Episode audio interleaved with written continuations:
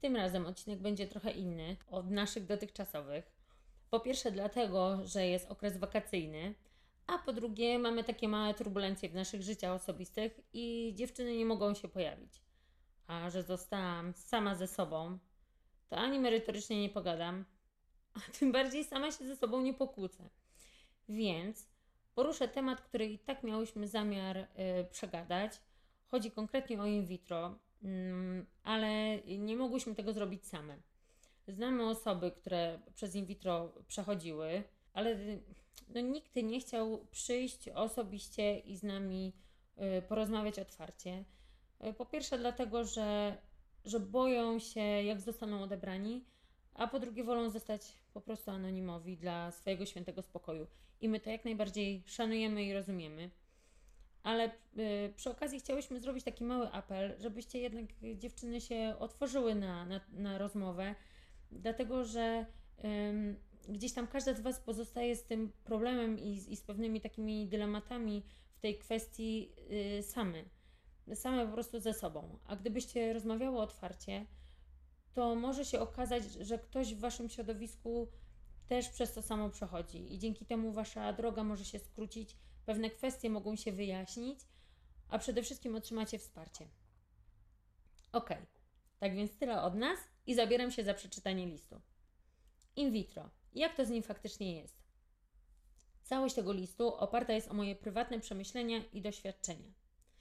Sama procedura in vitro, choć jest dość kontrowersyjną metodą, której towarzyszą specjalistyczne pojęcia, sprowadza się do kilku prostych czynności. Oczywiście, zanim zdecydujemy się na nią, powinniśmy przedsięwziąć parę kroków. No w końcu nic na hura. Więc tak, zaczynamy od dobrego specjalisty. Przede wszystkim musi być ginekolog, bo to on będzie miał nad nami pieczę. Zrobi dokładny wywiad, sprawdzi naszą sytuację, zleci badania, wykluczy na przykład policystyczny zespół jajników, będzie kontrolował nasze hormony i ułoży plan działania. Czasem trzeba powiększyć to grono e, ekspertów o endokrynologa, jeśli na przykład mamy kłopoty z serczycą. Jeśli dokucza nam insulinooporność, no to diabetologa i dietetyka albo jeszcze innego lekarza, gdy mamy szerszy wachlarz przypadłości, no bo przecież jesteśmy takie wyjątkowe. Oczywiście dla równowagi to samo tyczy się partnera. Androlog i badanie nasienia jest tutaj obowiązkowe. Komuś musimy zawierzyć. A dobre rady, książki, internet to nie jest idealnie uszyta pomoc. No bo w końcu mamy indywidualną sytuację. Druga kwestia. Staramy się o dziecko przez około rok. Jeśli nie jesteśmy przebadani, okres jest regularny, a nam po trzech miesiącach takich niby prób, i mam tutaj na myśli seks bez zabezpieczenia, nie udaje się zajść w ciążę, to jeszcze nie jest to dobry czas na grube działo, czyli in vitro. Pamiętajmy, że nie wszystkie cykle są owulacyjne, nie zawsze wszystko jest regularne i od linijki. Kiedy natura zawodzi, staramy się również w sposób kontrolowany, to jest za pomocą mniej inwazyjnej metody, tak jak na przykład monitoring owulacji, ewentualną stymulację wzrostu i pęknięcia pęcherzyka oraz zagnieżdżenie komórki. Trzecia rzecz to pełen komplet badań, które są wymagane akurat w naszym przypadku. Nie ma sensu na dzień dobry wydawać miliona monet na badania, które nie zostały konkretnie nam i naszemu partnerowi zlecone. Czasami wystarczą hormony, innym razem jest potrzebna histeroskopia dostarczająca informacje o prawidłowości budowy macicy czasem histerografia, która powie, czy mamy drożne jajowody, sprawdzenie jakości nasienia. Tak, drogie panie, to są bardzo ważne parametry i panowie też czynnie powinni uczestniczyć w procesie. W końcu same w ciąży nie zajdziemy. Plemnik jest tutaj konieczny. Ok, jeśli mamy już za sobą przyjemny okres seksu bez zabezpieczenia, mniej przyjemne współżycie zgodnie z monitoringiem, z kalendarzem i zegarkiem, Wiemy, że mamy drożne jajowody i nasza jama macicy jest poprawna dla potencjalnego zagnieżdżenia i donoszenia ciąży. Wiemy, jak działają nasze i partnera hormony. I mamy rozszerzoną analizę nasienia oraz mamy świadomość dodatkowych przypadłości. No to czas pomyśleć o pomocy, o której zwykle nie chcemy słyszeć. A mianowicie o klinice niepłodności. Brzmi strasznie, kojarzy się z dużymi kosztami, a w głowie rozlega się krzyk rozpaczy, że coś jest z nami nie tak. Osobiście, podchodząc do tematu, trzymałam się zasady, że szaleństwem jest robić coś w kółko tak samo i liczyć na inny efekt. Decyzja zapadła, cierpliwość i możliwości klasyczne się wyczerpały. No więc już nam nic więcej nie pozostaje. Pierwszym dylematem jest wybór kliniki.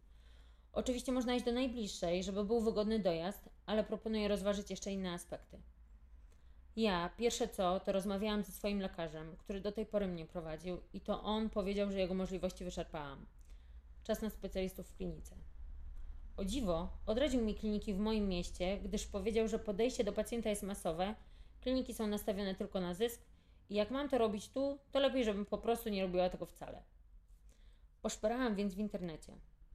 Końcu to pierwszy krok w dzisiejszych czasach. Opinie na forach były jednak podzielone.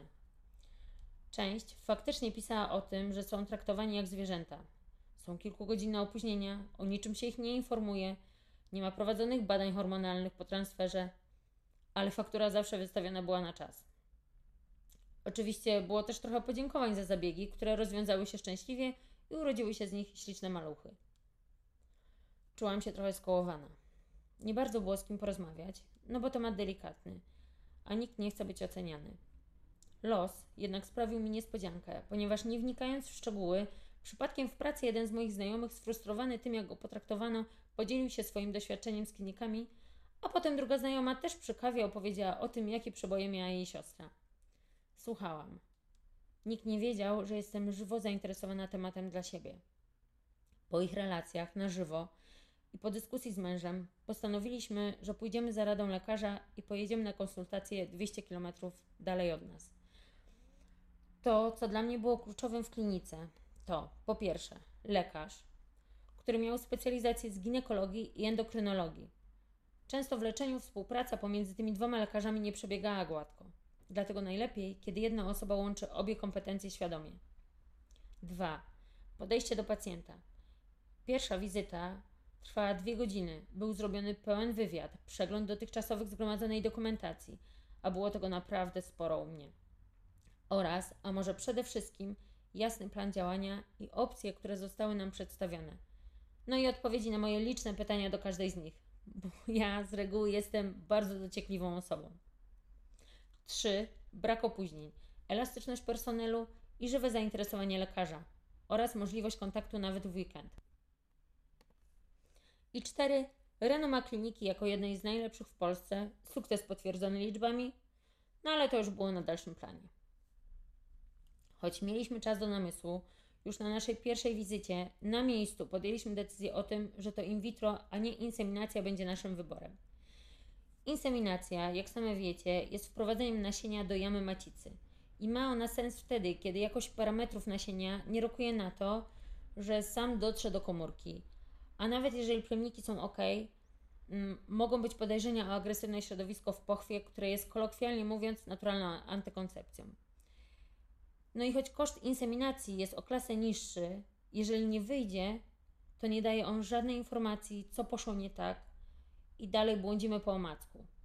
A i tak jesteśmy tutaj faszerowani hormonami, żeby mieć pewność, że jest owulacja. Tak samo jak przy in vitro.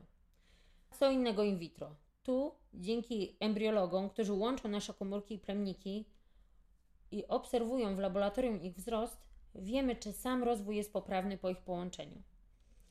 Więc w takim telegraficznym skrócie cała procedura wygląda tak, że na początku jest rozpisany plan hormonalny. Zastrzyki, hormony w tabletkach, które mają zmusić organizm do wyhodowania jak największej liczby pęcherzyków. Proces jest monitorowany na bieżąco, więc wymaga na początku częstych wizyt w klinice. Przed każdą z wizyt robione są badania hormonalne i na podstawie ich i USG lekarz prowadzący kontroluje dawki. Jest to o tyle ważne, gdyż ta faza źle przeprowadzona może doprowadzić do przestymulowania jajników, a to może mieć bardzo poważne konsekwencje. Dlatego tak ważny jest dobry lekarz. I na to Was dziewczyny uczulam. W dniu punkcji, do której dostaniemy wytyczne od lekarza, nasz partner będzie oddawał nasienie. Z pobranych komórek 6 zostanie zapłodnione w laboratorium i będą obserwowane w fazie wzrostu. Reszta idzie do banku komórek i jest zamrożona. Po dwóch albo trzech dniach dostajemy telefon od embriologa, jak tam nasz materiał się miewa i czy rokuje. Pozwala się im rozwijać do piątego dnia, a potem zamraża te, które prawidłowo się dzielą. Wtedy jedziemy na badania hormonalne i USG. I jak mamy szczęście, to jeszcze w tym samym cyklu mamy robiony transfer jednego lub dwóch zarodków. Choć nie zawsze tak musi być, bo progesteron może być za wysoki albo zrobił się jakiś torbiel i będziemy musieli czekać do następnego cyklu. No i to też nie jest złe, no bo wtedy przynajmniej jajniki odpoczną. W następnym miesiącu ponownie mamy badania hormonalne yy, regularnie, żeby przygotować macicę na transfer. Sam transfer jest mega szybki, a potem musimy się oszczędzać, żeby zapewnić jak najlepsze warunki do zagnieżdżenia i rozwoju zarodka. Tu m.in. chodzi o w miarę oszczędny tryb życia, unikanie schodów, nie picie herbatek, które mogą powodować skurcze macicy, trzymanie się z daleka od infekcji, no i jest również zakaz śmiania. Tak jest. Wszystkiego powinniśmy dowiedzieć się od lekarza albo dopytywać, bo w końcu pamiętajmy o tym, że jesteśmy jedną z miliona pacjentek, które prowadzi i on też jest człowiekiem i może o czymś zapomnieć lub coś mu może umknąć. A więc podsumowując, in vitro to jeden z końcowych kroków. Przed decyzją o nim wyczerpmy wszystkie inne możliwości. Oczywiście, jeżeli w naszym przypadku mają sens, no bo czasami przypadek jest taki, że szkoda czasu na metody pośrednie, bo po dogłębnej diagnostyce wiemy, że nie dadzą one szans. Wtedy, wybierając klinikę, zróbmy wywiad. Jeśli ktoś z osób nam znanych korzystał z usług, może zapytajmy lekarza, poczytajmy na forach. Im więcej będziemy mieć informacji, tym decyzja powinna być bardziej świadoma. No i przede wszystkim życzę Wam powodzenia. Tego, aby Wasze marzenia się spełniły. Pozdrawiam Was serdecznie.